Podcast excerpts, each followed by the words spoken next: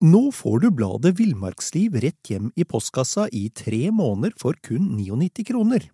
I Villmarksliv kan du lese om norsk natur, ærlige tester av klær og utstyr, og mange gode turtips skrevet av erfarne friluftsfolk, fiskere og jegere. Send SMS VILL36 til 2205 og motta bladet allerede neste uke. Lev livet villere med bladet Villmarksliv. Planning for your next trip? Elevate your travel style with Quince. Quince has all the jet setting essentials you'll want for your next getaway, like European linen, premium luggage options, buttery soft Italian leather bags, and so much more. And it's all priced at 50 to 80% less than similar brands. Plus, Quince only works with factories that use safe and ethical manufacturing practices. Pack your bags with high-quality essentials you'll be wearing for vacations to come with Quince. Go to quince.com slash trip for free shipping and 365-day returns.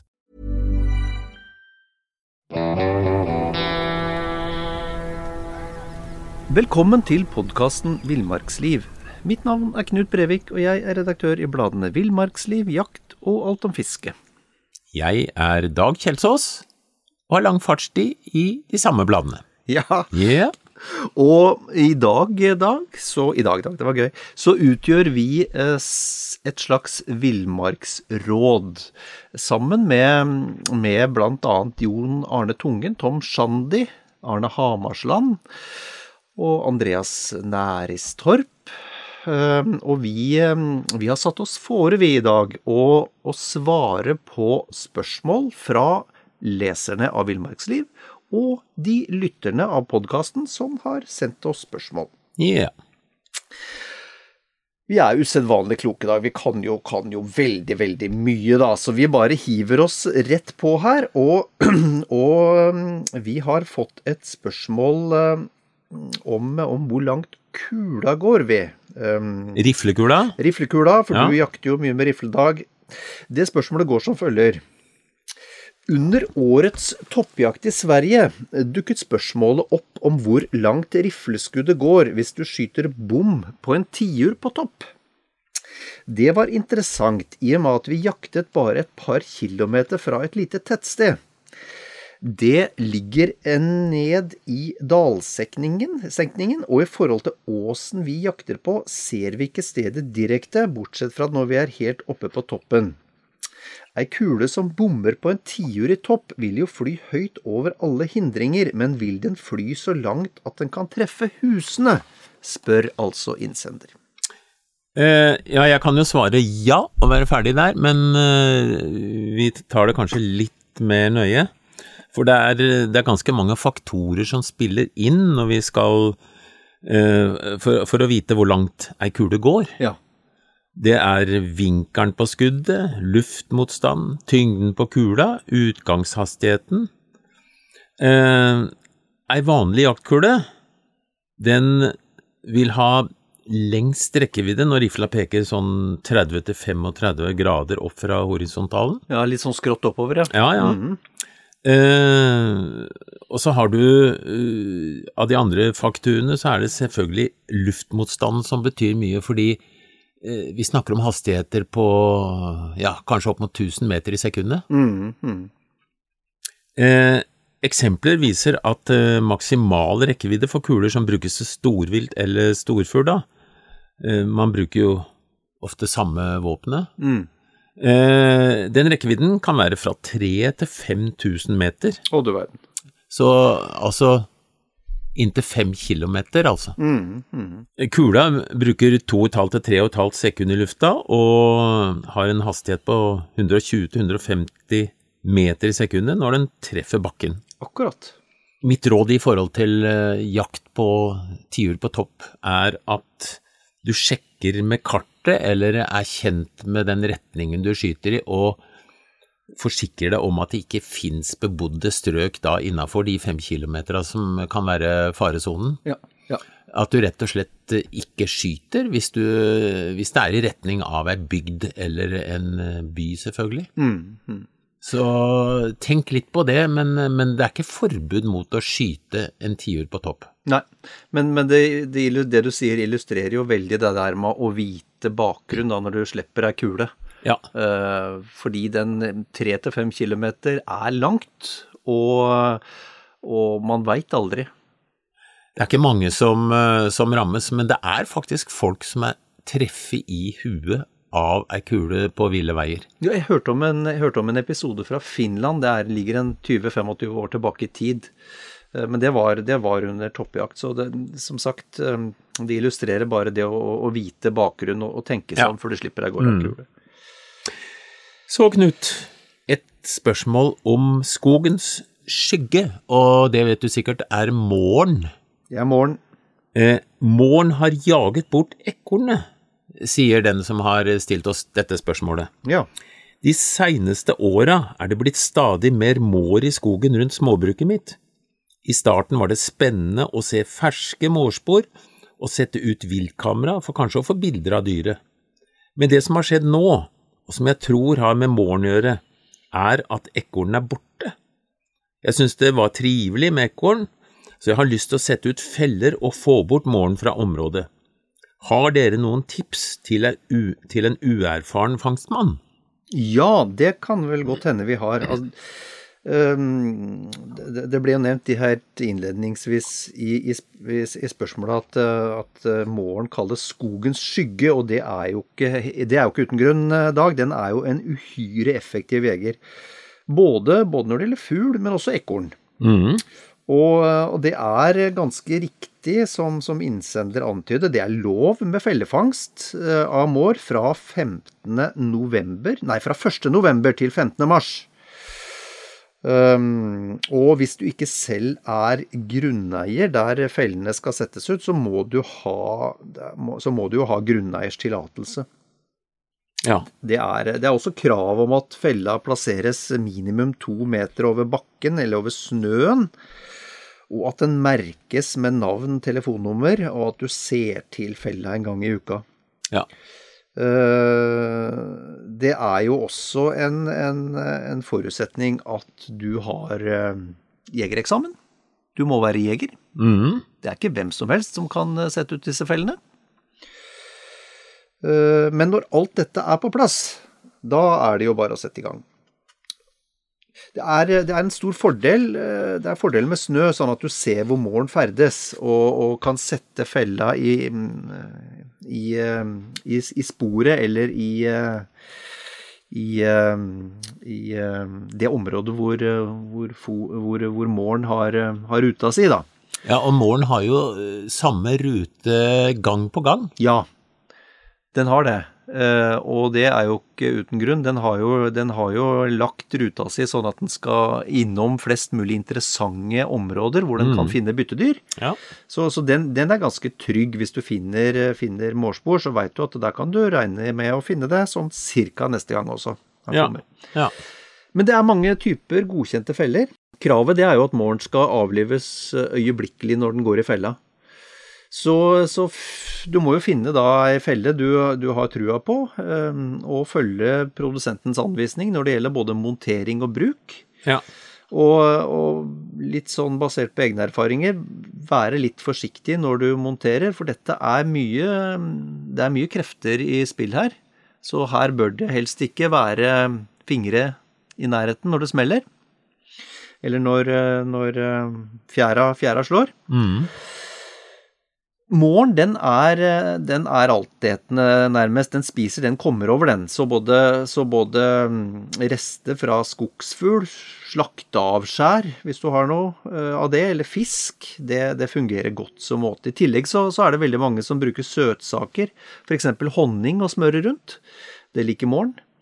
Um, det er et gammelt triks er også å henge opp en fuglevinge i en tråd like ved fella. Den beveger seg gjerne litt i vind, og da, da tiltrekker den seg mårens oppmerksomhet, som da umiddelbart blir, eh, blir interessert, naturligvis, og beveger seg mot, mot fella, da, eller bevegelsen. ja. Og hovedregelen er vel at hvis ikke fella gir fangst i løpet av en to-tre uker, så da bør den flyttes, for da, da er det noe galt, øh, gjerne ved plasseringa. Eller at det ikke er mor i området. Det er riktig, eller at det ikke er der, selvfølgelig. ja. Mm. Da har vi fått øh, to spørsmål om kalde fingre ved. Jeg tror vi deler dem opp Dag, sånn at vi tar eh, spørsmål Det første spørsmålet, det lyder som, som følger. Jeg sliter veldig med kalde fingre når jeg er ute om vinteren. Fingrene mine er varme når hanskene dras på, men jeg kan ikke gå mange minuttene før de gradvis blir iskalde. Jeg ville trodd at man skulle bli varmere av å være i aktivitet, men isteden blir jeg gradvis kaldere. Hvorfor er det slik? Ja. Eh, innsenderen, er ikke alene med å ha det sånn, hvis det er noen trøst. Eh, når vi starter med fysisk aktivitet, så er kroppen sånn innretta at eh, den automatisk sender mest blod til de store musklene, som jo skal jobbe for å få oss framover i terrenget. Eh, og det innebærer at det blir mindre blodgjennomstrømming i fingre og tær, og vi blir avkjølt. Den trekker rett og slett blod og varme fra de ytre delene av kroppen og inn mot sentrum, altså. Ja, det er altså til, til de store musklene som da må jobbe. Og vi går jo da med, med fingrene uh, bare hengende rett ned, kan du si, ofte. Uh, så et lite triks for å, for å få fingrene varme er å gå til du kjenner at kroppen er ordentlig varm, og så rett og slett ta en pause. For da vil blodgjennomstrømmingen eh, sende overskuddsvarme til fingre og tær. Eh, en annen sak som jeg ofte har brukt sjøl, det er at jeg stopper opp og enten slår armene rundt kroppen, sånn du liksom har sett folk gjøre av og til. Floke. Floke. Eller og snurrer armen rundt som en propell, men vel å merke veldig sakte i starten, så du ikke pådrar deg noen seneskader eller noe. Men hvis du gjør det veldig sakte, så vil det presse opp eh, blod til eh, fingertuppene etter hvert.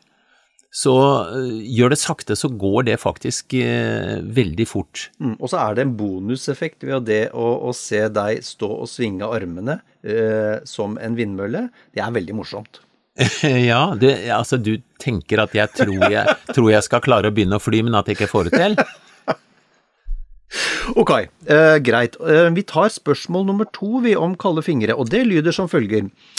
Under rypejakta med setteren min blåste det hardt noen dager, og jeg ble så kald at det var problematisk å beholde følelsen i fingrene. Gikk en dag med votter med hull til høyre pekefinger. I en opplagt fin situasjon fikk jeg ikke sikringen av på hagla, fordi jeg ikke fikk helt grep om sikringen. Det ble for mye tull og kluss. Tynne hansker blir for kaldt, og jeg vil helst ha direkte fingerkontakt med avtrekker og sikring. Finnes det gode løsninger der jeg har fingrene fri, spør innsender. Ja, jeg har eh, opplevd samme problem, hvis det er noen trøst, og, og min løsning har vært å bruke mansjetter eller eh, beskyttelse over den delen av eh, hånda som, eh, som blir fort avkjølt, fordi blodårene går langt ut, nemlig like på øverste håndleddet. Mm, ja, for hånd, der har du jo, der har du jo hovedpulsåra, så der avgir du jo mye varme også. Ja, du, du ser jo faktisk blodårene når du bare kikker på undersida av hånda der. Så der bør vi beskytte med f.eks. undertøy med sånn eh, hull til tommelen, som da tvinger eh, tøyet på plass, og så, som gir beskyttelse. Eh, Du kan også lage en eh, beskyttelse som jeg har gjort mange ganger. Når jeg skal kaste ei utslitt ulltrøye f.eks., så klipper jeg de nederste 15 cm og trekker den da over håndleddet som en beskyttelse når jeg er utsatt for å fryse. F.eks. på jakt, eller kanskje isfiske. Ja. Så å beskytte seg der, det er et godt stykke på vei til, til å bli varm. Du kan også ta en gammel utgått vått og klippe opp sånn du akkurat får bevegelse for de fingrene du trenger, nemlig avtrekkerfingeren og, og den som tar av sikringa på ei hagle hvis du er på jakt. ja. Så, så å beskytte på øversida er altså en, en eh, hjelp til fingrene, men, men noen ganger så er det jo så kaldt at du ikke klarer å holde deg varm da heller, og da kan du gjerne ha eh, en sånn eh, varmepose eller noe annet som gir varme i lomma. og Altså så- håndvarmer. ja, Ja. gå med, med hånda rundt den når du da ikke skal være i beredskap. Ja. Veldig bra. Jeg, jeg, nå, og nå føler jeg at du er veldig i dytten her, Dag, så jeg fyrer av gårde et spørsmål til. Ja. Eh, det er et spørsmål om linesurr. Det er jo noe vi alle har opplevd en eller annen gang. Eh, spørsmålet det lyder som følger. Jeg bruker flertrådet spunnet line når jeg fisker ørret, fordi det øker kastelengden. Innimellom opplever jeg at det blir surr når en større eller mindre tjafs fyker av snella. Hvordan kan jeg unngå dette? Dette er nok et velkjent problem, Knut, som sikkert du også har opplevd. Jeg har iallfall opplevd det flere ganger. Det er ganske riktig. Ja, og øh, dette oppstår jo når vi skal kaste ordentlig langt og tar i skikkelig, og så går snøret så fort av at det drar med seg eh, litt line som, øh, som ligger hvis det drar ut fra den bakre delen av sporen, så drar det med seg line som ligger lenger framme på sporen. Mm. Så fyker det en tjafs inn i ringene. Mm. Kanskje det forsvinner ut på vannet, eller kanskje det stopper opp, og i verste fall så forsvinner sluken. Mm. Eh, feilen som er gjort da, er jo at det er tatt på for mye line på sporen. Det skal være et par millimeter med klaring ytterst på sporen, så ikke fyll helt opp. Eh, et annet, eh, en annen årsak til det her, det er jo at vi kanskje har tatt på lina for slakt. Um, og det pleier jeg å løse uh, ved at jeg holder stanga i vinkel, kanskje 90 grader faktisk, mot sveiveretningen, mm. eller nei, mot retningen der sluken kommer, ja. eller hva det nå fisker med. Uh, for da får du litt motstand i ringene, sånn at snøret strammes litt mer opp. Nettopp, ja. Og hvis du, hvis du fisker med f.eks. en sluk sånn at du rykker litt og slapper av litt og rykker litt, så sveiv når du har draget, ikke når du har den avslappa situasjonen. Nettopp. Mm. Så hele tida tenke få snøret stramt inn på sporen. Så det er det jeg vil råde til der. Men ja. så skal du få gi et råd. Eh, du er jo jeger og flisespiker. Ja, i beste forstand, Knut. Ja, takk, takk. Ja, og du har sikkert råd til en som ikke får kniven skikkelig skarp.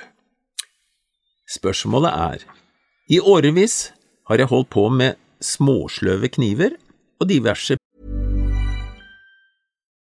Nå får du bladet Villmarksliv rett hjem i postkassa i tre måneder for kun 99 kroner. I Villmarksliv kan du lese om norsk natur, ærlige tester av klær og utstyr, og mange gode turtips skrevet av erfarne friluftsfolk, fiskere og jegere. Send SMS VILL36 til 2205 og motta bladet allerede neste uke. Lev livet villere med bladet Villmarksliv. Many of us have those stubborn pounds that seem impossible to lose, no matter how good we eat or how hard we work out. My solution is PlushCare. PlushCare is a leading telehealth provider with doctors who are there for you day and night to partner with you in your weight loss journey. They can prescribe FDA-approved weight loss medications like Wagovi and Zepbound for those who qualify. Plus, they accept most insurance plans. To get started, visit plushcare.com slash weight loss. That's plushcare.com slash weight loss. Billige slipeløsninger som alle skulle gi lynvass egg. Men det har bare blitt middels resultater, og i stedet for å bruke de gode jaktknivene jeg har i skuffen, har jeg fylt på med billige, nye morakniver og brukt dem så lenge de var skarpe. Mm. For en stund siden kjøpte jeg en slipemaskin. Den fungerer helt fint, men det er noe med finishen jeg ikke får til. Altså, finishen under eh, slipinga, det blir tydeligvis ikke ordentlig skarpt. No. Han skriver det blir alltid sittende igjen en råegg som gjør at eggen ikke blir helt skarp. Mm. En kamerat som også har slipemaskin, anbefalte å dra råeggen av ved å dra kniven et par ganger gjennom enden på en plankebit. Mm. Er dette en fornuftig metode? Jeg syns ikke eggen blir helt topp når jeg følger hans råd. Har dere noen tips? Ja, det altså Bare ta det med en gang. En sylskarp kniv, det er jo, det er jo en nytelse å jobbe med. Det, så det er vel verdt eh, å legge litt innsats i å få til en, en, en, skarp kniv. Jeg har selv prøvd metoden med å dra av råeggen på enda en plankebit. Det blir eh, noenlunde bra, men ikke helt topp. Hvis du er litt tålmodig, og det har jeg en følelse av at innsender er, så får du et bra resultat ved å dra, dra kniven mot ei lærreim, eller bruke lærskiva på en eh, slipemaskin. Du kan godt øke vinkelen litt, slik at den blir litt buttere enn enn på, på, på slipemaskin. Det høres fornuftig ut, da. Ja, og, og bruk gjerne litt trykk, sånn at du ser eh, eh, råeggen flagre. Da, da bryner du bort festet som råeggen henger i, og som sitter igjen med en ny Og da, og da, da sitter du jo ofte igjen med en ny sånn lynskarp egg uten skader. Og hvis du virkelig ønsker et proffresultat, så bør du også bruke litt tid på å polere eggen, gjerne, gjerne mot en fin sånn Arkansas-stein, sånn at du får bort sliperissene. Dette her med, med den derre eh, flagrende saken som henger igjen eh, ytterst på eggen, det kan du faktisk kjenne hvis du drar fingeren nedover mot spissen, så kjenner du at på den ene sida så henger den litt, på andre sida er det helt glatt. Nettopp. Det betyr at denne her eh, lille eh, delen som henger igjen av metall, den er bøyd litt til den ene sida. Ja. ja. Bra. Um, nå kommer et tema jeg vet du kommer til å elske, Dag. Uh, Du skal også få gleden av å svare på det. Det, det har uh, med det å gjøre å tisse på post. Oi, oi. Det er veldig gøy. veldig gøy. Um, det lyder som følger. Jeg er med på revejakt med hund på vårvinteren. Det innebærer å stå mye på post i kulda, gjerne en time eller to på hver post. Da blir jeg alltid voldsomt tissetrengt. Jeg har tenkt som så at reven kjenner lukta av meg uansett, og da betyr en tisseskvett nedgravd i snøen lite til eller fra. Men hvorfor er det slik, og kan jeg redusere tissinga med å kutte ut kaffe på morgenen de dagene jeg skal ut på jakt? Eh, og da overlater jeg podiet til deg, Dag. Ja, du, her er vi litt inne på det samme fenomenet som vi snakka om for litt siden. Eh, det som skjer med kroppen når den utsettes for kulde, er at blodårene i huden, i armer og bein trekker seg sammen for å redusere varmetapet. Og blod samles da sentralt i kroppen, og kroppen oppfatter da blodvolumet som er, det er blitt litt for stort, og bør reduseres. Og dette gjøres ved å, at den skiller ut mer væske via nyrene, altså urinblæra fylles, og så må vi tisse. Ah. Eh, koffein i kaffen, eh, den, det virker jo som kjent vanndrivende, men kroppen har en slags evne til å tilpasse seg, så hvis du drikker kaffe hver dag, vil den vanndrivende effekten egentlig ikke være så stor og etter hvert avta litt. No. Så eh, det er ikke, det er ikke krise å, å drikke litt kaffe om morgenen, altså. Eh, revens evne til å kjenne tisselukt, ja, den kjenner nok kanskje den bedre enn kroppslukta, men jeg mener at det ikke finnes noen fasit, og, personlig tror jeg ikke at tisselukt avslører deg mer enn kroppslukta og lukta fra pusten din. Mm. For, for det er klart at begge deler forteller reven at det er fare på ferde, men kjenner han tisselukta, så kjenner han nok også kropp, kroppslukta di. Så du kan jo ta med tisseflaske da, på post eller hva du gjør, og, og så tømme dem når, eh, når du er ferdig med å, å holde på med det du gjør. Ja, for dette, dette har vel sånn dypest sett med, med vindretning å gjøre. Altså hvis vindretningen din er god, så Det er nok det som er det avgjørende her. Ja. Ja vel, eh, kanskje et litt annet tema nå, Knut, nemlig om hund og sau. Hund og sau, ja. Jeg er hundeeier og bor på ei øy der det beiter spelsau. Det er vanligvis eh, Spelsauene er vanligvis i innhegning, men ofte hopper de over gjerdet og beiter fritt. Når det ikke er båndtvang, utenfor vanlig beitesesong, og sauen hopper over gjerdet, hvem har ansvaret hvis hunden tar opp jakta på sauen? Jeg vet at man skal ha kontroll over hunden, men i jaktsituasjoner blokkerer jo hunden slik at innkalling er nytteløst.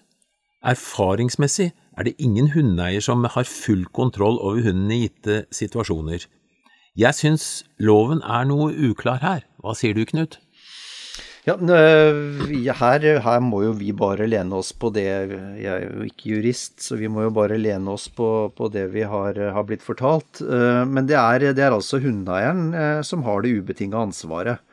Og det er hundelovens sikringsbestemmelser som gjelder. Eh, Men først noen forbehold. Gjerde- og beiteloven er å forstå noe forskjellig i de forskjellige landsdelene, avhengig av tradisjonene for utmarksbeite. Siden spørsmålet dreier seg om villsau på en øy, så antar vi at det må være Vestlandet eller Nordvestlandet.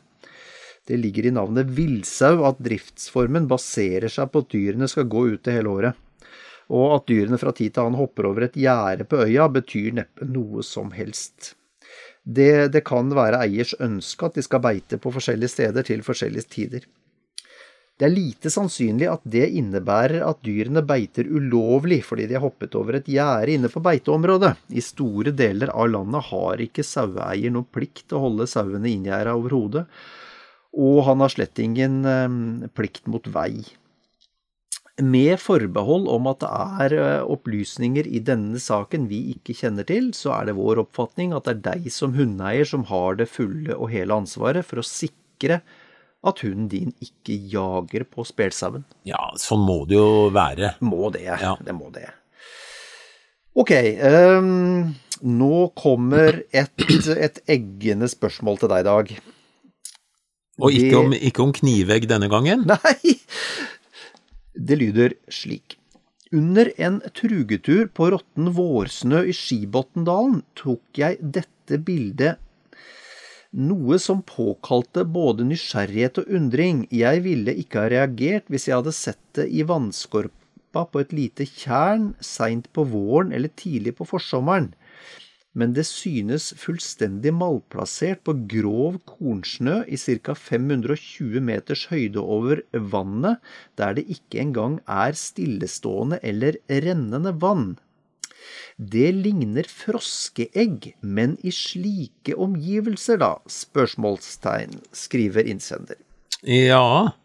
Eh, her ser jo vi et bilde, Knut, som ikke de som eh, hører på kan se. Men for meg ser det ut til å være egg av vanlig frosk, altså den eh, buttsnuta frosken. Og man har jo funnet den helt opp til 1400 meter over havet på Dorve, Dovre. Eh, Så det kan se ut som de svarte eggene her har fanga nok solvarme til å smelte de små dammene på isen. Ja, det hadde jo vært spennende da hvis innsenderen hadde tatt med noen egg hjem, eksempel, i termosen, og, og sjekka om de klekka, altså var befrukta, da.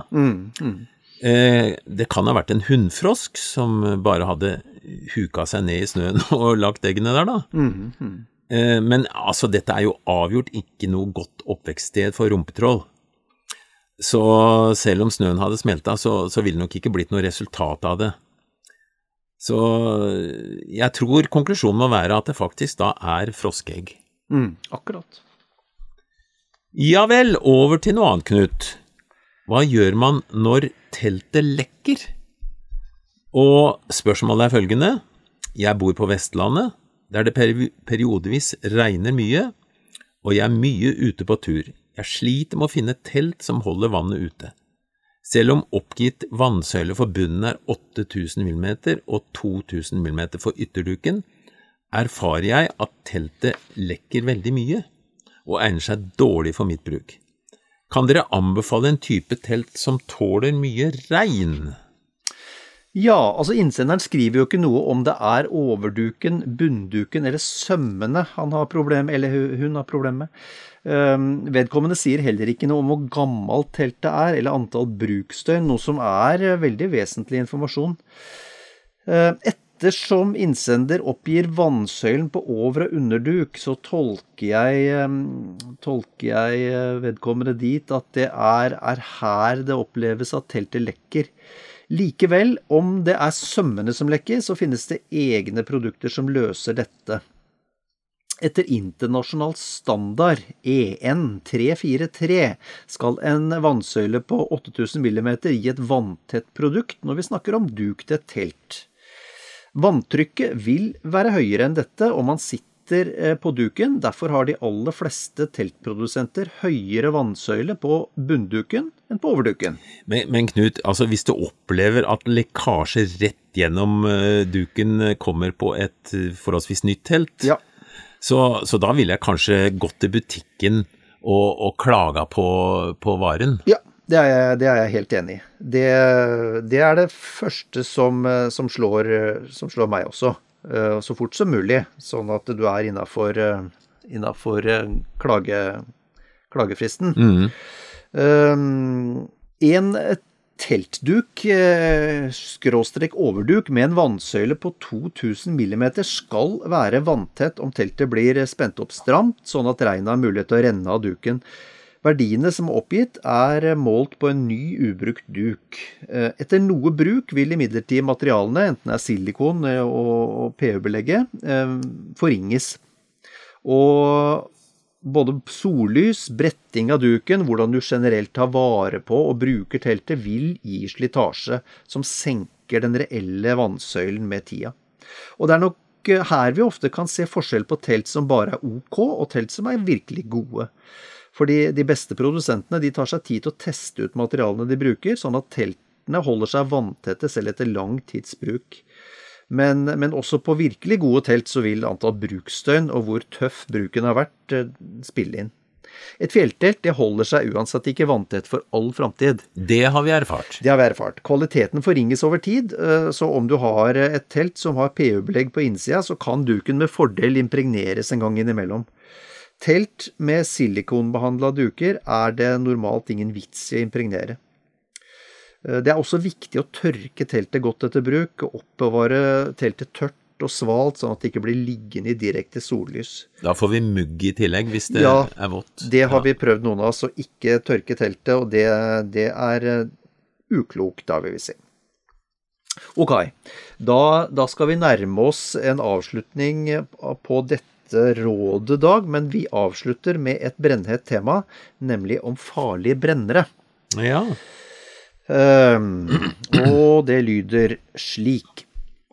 Dette spørsmålet dukket opp da vi var på reinsjakt i høst. Tre kamerater skulle lage mat i den lille steinbua som vi vanligvis har tilhold i. Denne gangen var det jeg som hadde med kokeutstyr, og jeg hadde tatt med den nye stillegående bensinbrenneren min. Dette var helt bevisst fordi den brenneren som kameraten min pleier å ha med, bråker plagsomt mye i ei lita bu. Da kompisene så brenneren, fikk jeg beskjed om at denne ville de ikke se inne i bua, jeg måtte gå ut og koke. De hadde lest at slike stille brennere var livsfarlig innendørs. Jeg trodde at en brenner var en brenner, og at det uansett er noe man bør være varsom med innendørs. Men at min skulle være så mye farligere enn deres, visste jeg ikke. Hva mener dere, spør innsender. Ja, umiddelbart så vil jeg jo si at eh, jeg er enig i den advarselen. Eh, Det finnes jo en mengde brennere på markedet, og, de er i hovedsak av to typer. Det er stillebrennere og virvelbrennere. Stillebrennerne ja, de lever jo opp til navnet og bråker ganske lite, og her føres jo brennstoffet inn via ei dyse i bu- bunnen av et rør. Og lufta kommer inn gjennom hull opp langs røret, og det gir da ganske jevn gass og luftstrøm, og det blir ikke mye bråk. I en virvelbrenner kommer brennstoffet inn i bunnen av brennkammeret, og der treffer det ei plate som sender en del av gassen tilbake mot dysa og forstyrrer gassstrømmen der. Eh, Det blir turbulens av det her, og bråk når dette skjer, og gass, luft, når gass og, og luftblanding da antennes. Fordelen er jo da at gass og luft blandes godt, slik at forbrenningen skjer med nok oksygen. Eh, Det gir jo lavere utslipp av den frykta gassen karbonmonoksid, altså CO kjemisk. Eh, Stillebrenneren klarer ikke å lage like god miks, så sannsynligheten for eh, ufullstendig forbrenning er jo da større. Okay. Sånn som det antydes fra kameratene her. Eh, og CO-gass, den er veldig farlig, og du merker ikke at du blir gassforgifta. Nei. Så jeg vil ganske enkelt si at uh, hør på kompisen, og bruk den brenneren i forteltet eller ute. Mm, mm. Ja, for her finnes det jo noen tragiske eksempler år om annet. Uh, Folk som, uh, som dessverre stryker med eh, gassen. Gassfyring er litt sjansebetona i både campingvogner og telt, og, og altså lukka rom. Lufting er stikkord, og det får du ikke inni et telt vanligvis, Nei. i den grad du kanskje trenger det. Bra råd avslutningsvis, Dag. Da har vi, da har vi eh, øst av vår grenseløse kunnskap Oi. nok en gang. Og, og satt eh, folk i stand til å løse selv de mest kompliserte problemer. Da tror jeg vi bare Da tror jeg vi egentlig bare ønsker folk en riktig god uke. Det gjør vi.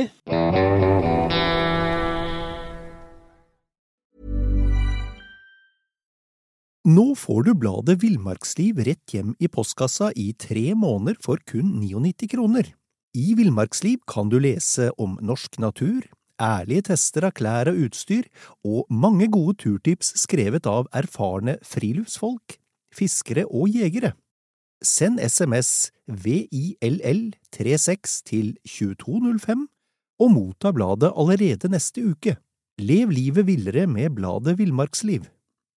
Imagine the softest sheets you've ever felt. Now imagine them getting even softer over time. That's what you'll feel with Bowl and Branch's organic cotton sheets. In a recent customer survey, 96% replied that Bowl and Branch sheets get softer with every wash. Start getting your best night's sleep in these sheets that get softer and softer for years to come. Try their sheets with a 30-night guarantee. Plus, get 15% off your first order at bowlandbranch.com. Code BUTTERY. Exclusions apply. See site for details.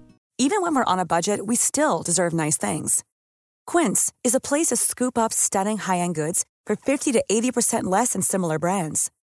They have buttery soft cashmere sweaters starting at $50, luxurious Italian leather bags, and so much more. Plus, Quince only works with factories that use safe, ethical, and responsible manufacturing. Get the high-end goods you'll love without the high price tag with Quince. Go to quince.com slash style for free shipping and 365-day returns.